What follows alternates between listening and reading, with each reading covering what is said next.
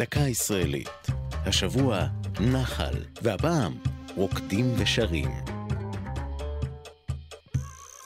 עוד לפני מסלול הכישרונות הצה"לי העכשווי, בלטה בקרב הרכבי הזמר הצבאיים להקה שדאגה לעשות שמח לחיילים, או ליתר דיוק, קרנבל.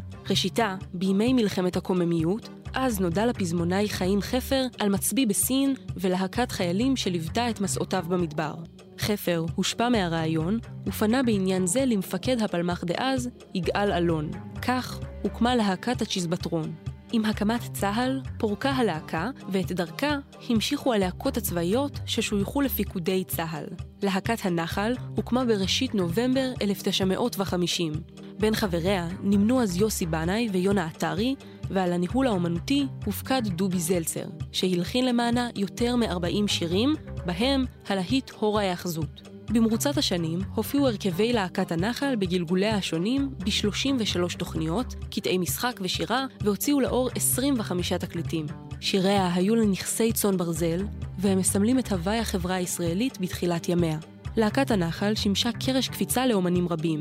הזמר אריק איינשטיין אמר פעם, אין תחליף ללהקת הנחל. היינו להקה עילית כזאת, ריאל מדריד של הזמר הישראלי. זו הייתה דקה ישראלית על נחל ורוקדים ושרים. כתבה יעל צ'חנובר, ייעוץ הדוקטור טלילה אלירם, עורך ליאור פרידמן.